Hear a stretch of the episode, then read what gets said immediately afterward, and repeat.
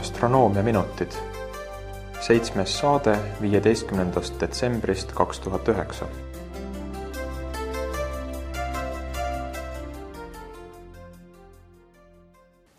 head astronoomiahuvilised, alustame astronoomiaminutite seitsmenda saatega. mina olen Taavi Tuvikene. ja mina olen Tõnis Eenmäe. seekordses saates tuleb juttu teiste tähtede ümber asuvatest planeetidest ehk eksoplaneetidest. Räägime eksoplaneetide avastamisest ja ka sellest, kuidas eksoplaneetide leidumine on seotud tähtede keemilise koostisega. teiste tähtede ümber tiirlevaid planeete on kahekümne seitsmenda novembri seisuga avastatud kokku nelisada viis. ja see avastamine on praegusel ajal nii igapäevane, et kui me selle saate lindistamise ära lõpetame ja andmebaasist järele vaatame, siis ei maksa imestada, kui vahepeal on mõni uus eksoplaneet avastatud. aga kui nüüd rääkida eksoplaneetide avastamismeetoditest, siis äh, domineerivad äh, kaks peamist meetodit ja need on äh, radiaalkiiruste meetod ja varjutuste meetod. varjutuste meetod oma olemuselt seisneb selles, et vaadeldakse tähtede heleduse muutusi ja kui eksoplaneet liigub oma tähe ja maapealse vaatleja vahelt läbi, siis tähe heledus muutub õige pisut. selline meetod on väga laialt kasutusel ja on väga palju nii maapealseid kui ka kosmoseprojekte, mis sellisel viisil eksoplaneete otsivad. samas praeguseks kõige rohkem eksoplaneete on leitud radiaalkiiruste mõõtmise meetodil. üks viimase aja parimaid instrumente eksoplaneetide avastamiseks on seade nimega HARPS. see on lahti seletatult äh, High Accuracy Radial Velocity Planet Searcher, mille võiks eesti keelde tõlkida kui äh, suure täpsusega radiaalkiiruste abil planeetide otsija. HARPS on ühendatud äh, Euroopa Lõunaobservatooriumi kolme koma kuue meetrise teleskoobiga ja ta tegelikult äh, kujutab endast ülistabiilset ja kõrge lahutusega spektrograafi. spektrograafis lahutatakse tähevalgus äh, siis spektriks ja HARPS mõõdab spektrijoonte nihkeid, mis on põhjustatud sellest, et see kauge tähe ümber tiire, tiirlev planeet sikutab seda ematähte enda poole natukene. ja selle tõttu nihkuvad tähe spektrijooned perioodiliselt lühema ja pikema lainepikkuse suunas.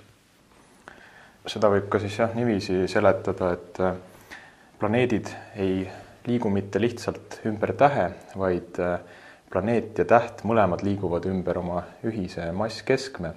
tõsi küll, planeet on väiksema massiga ja seetõttu täht domineerib ja see massikese asub enamasti tähe sees. aga mõlemad siiski liiguvad ümber ühise massikeskme, nii täht kui planeet ja täht siis äh, vahepeal liigub äh, meie suunas ja vahepeal eemaldub meist. ja just äh, selle eemaldumiskiiruse mõõtmise poolest on see harps selline hiilgav instrument, tema mõõtmistäpsus on pisut parem kui üks meeter sekundis, ehk äh, me saame siis äh, mõõta selliseid täiesti maiseid kiirusi, millega täht meist eemaldub ja meile siis läheneb. ja selline väga suur täpsus on oluline eeskätt väikese massiga planeetide leidmisel Harps äh, on avastanud äh, neljasaja viiest eksoplaneedist äh, seitsekümmend viis, mis siis on umbes iga viies, kuid väiksema kui kakskümmend maamassi planeetide avastu-, avastamisel on Harpsi panus kakskümmend neli kahekümne kaheksast. nii et temaga on võimalik leida just nimelt äh, selliseid pisikesi planeete, äh, mida muudel meetoditel on väga raske äh, leida. ja oktoobrikuus teatatigi, et avastati kolmkümmend kaks uut eksoplaneeti just sellesama Harpsiga, hiljem küll tuli välja, et kaks neist ei olnud mitte planeedid, vaid pruunid kääbused ehk ütleme siis läbikukkunud tähed. ja on põhjust arvata, et, et lähi, lähitulevikus tuleb neid Harpsilt veelgi juurde. jah, peab ütlema, et see piir pruunide kääbuste ja suurte planeetide vahel on selline ähmane, nii et see on kokkuleppe küsimus, kas liigitada need suurema massiga gaasiplaneedid nüüd pruunideks kääbusteks või, või, või planeetideks jah, et kui see on seal juba mingi kümned Jupiteri massid on, siis on, siis on see niisugune hägune ala tõesti. aga siiski need kolmkümmend kaks olid, olid kõik avastatud mingi tähe ümbert, et need, need pruunid kääbused ka sellisel juhul ikkagi tiirlesid ümber ema tähe. jah, pruuni kääbuseid võib ka esineda täiesti üksikult et selles, selles mõttes saab neid natukene võib-olla eristada. aga üsna värske uudis on ka selline, et metalliliste tähtede ümber leidub planeete keskeltläbi rohkem. nüüd see tähtede metallilisus vajab ilmselt natukene lahti seletamist. Astronoomid nimetavad metallideks kõiki keemilisi elemente, mis on heeliumist raskemad, nii et kui vesinik ja heelium on need kaks põhilist elementi, mis tekkisid juba suure paugu järel, siis kõik äh, raskemad elemendid on üldiselt tekkinud tähtede sees tuumasünteesi käigus. Noh, välja arvatud äh, liitium, mis on siis äh, kolmas element keemiliste elementide tabelis ja, ja liitium tekkis ka ikkagi peamiselt suure paugu tagajärjel. jah, aga jah, teda on noh, väga, väga tühisel määral võrreldes siis vesiniku ja heeliumiga ja ei ole suur üllatus, et nagu paljude muude asjade hindamisel on seekord võetud kah selliseks nullpunktiks päikene, et päikese metallilisus on ütleme siis selline normaalmetallilisus, kui tähtedes on metalle vähem, siis on tegu metallivaeste ja päikese metallisisaldusest suurema sisaldusega tähtedel on siis, need on siis vastavalt metallilised tähed. Nüüd aga konkreetselt äh, sellest uudisest, mis puudutas metallirikaste tähtede ümber leiduvaid planeete, sellesama Harpsi instrumendiga vaadeldi sadat metallivaest tähte ja otsiti nende ümbert äh, planeete, aga planeete leiti vaid sajast kolme tähe ümber ja Need kolm olid ka sellised, mille metallisisaldus oli sellest äh, valimist äh, kõige suurem. nii et äh, võib teha sellise järelduse, et selleks, et planeedid saaksid tähe ümber tekkida, peab tähe metallilisus olema siis teatud piirist suurem. Ja see, see piir lähebki kuskil ligikaudu päikese metallisisalduse juurest. nii et päike on selline piiripealne täht, et võib öelda, et, et on vedanud, et, et äh, päikese ümber said planeedid tekkida, et kui see päikese metallisisaldus oleks olnud õige veidike madalam, siis äh, võib-olla ei olekski saanud planeedid tekkida. Ja enamik eksoplaneetidest ongi siis just leitud selliste tähtede ümbert, mille metallisisaldus on päikese omast suurem või isegi tunduvalt suurem. Ja need kolm metallivaest tähte, mille ümbert planeedid leiti, olid veel sel-, selles mõttes huvitavad, et äh, nende eksoplaneetide tiirlemisperiood ümber ematähe oli küllalt suur.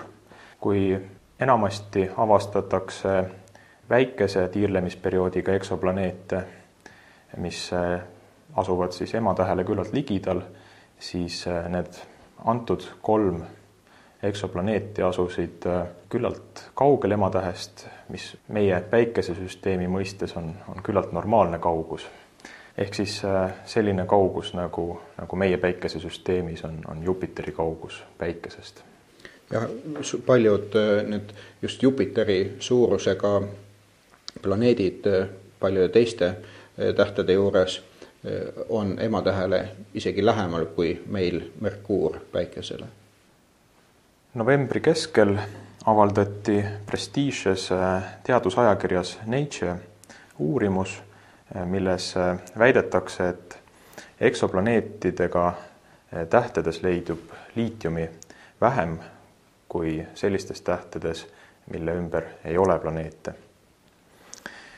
selles uurimuses eh, vaadeldi ligi viitsada päikesesarnast tähte, aga täpsemaks uurimiseks valiti välja võimalikult päikesesarnased tähed, ehk siis sellised tähed, mille temperatuuri erinevus päikesega on kuni kaheksakümmend kraadi. ehk siis päikesest kaheksakümmend kraadi jahedamad või päikesest kaheksakümmend kraadi kuumemad tähed. ja sellisesse kitsasse valikusse jäi kolmkümmend planeetidega tähte ja kuuskümmend ilma planeetideta tähte. ja uuriti siis nende tähtede liitiumi sisaldust. ja mis välja tuli? tuli välja, et nendel tähtedel, mille ümber on planeedid avastatud, leidub liitiumi isegi kümme korda vähem kui äh, pooltes äh, tähtedes, mille ümber ei ole planeete leitud. tõsi küll, oli ka selliseid äh, ilma planeetideta tähti, mille liitiumsisaldus oli madal. aga sellegipoolest leiti, et selline liitiumisisalduse erinevus ei ole mitte juhuslik, vaid on ikkagi kindlalt seotud planeetide olemasolu või, või puudumisega. nüüd üldiselt on teada, et liitiumi ei teki oluliselt juurde, vaid universumis leiduv liitium on pärit äh, suure paugujärgsest äh, ajast ja liitium saab küll tähtedes väheneda ja seda selle läbi, kui liitium äh, satub tähe sees sellisesse piirkonda, kus temperatuur on suurem kahest ja poolest miljonist kelvinist. selle kahe ja poole miljoni kelvi, kelvini juures siis hakkavad liitiumi tuumad osalema termotuumareaktsioonides ja muutuvad mingisugusteks teisteks elementideks. nii et kui äh, eksoplaneetidega tähtedes leidub liitiumi vähem, siis äh, tuleb kuidagi seletada, mismoodi see liitium saab nendes tähtedes hävida või miks äh, liitium hävib sellistes tähtedes rohkem kui teistes päikesesarnastes tähtedes, mille ümber ei ole planeete. on välja pakutud hüpotees, et planeetide tekkimise ajal siis protoplanetaarses kettas. see ketas aeglustab eh, tähe pöörlemist, mille tulemusena täheaine saab paremini seguneda ja täheaine kantakse sügavamatesse kihtidesse, kus eh, temperatuur on kõrgem ja niiviisi saab liitium kergemini ära põleda.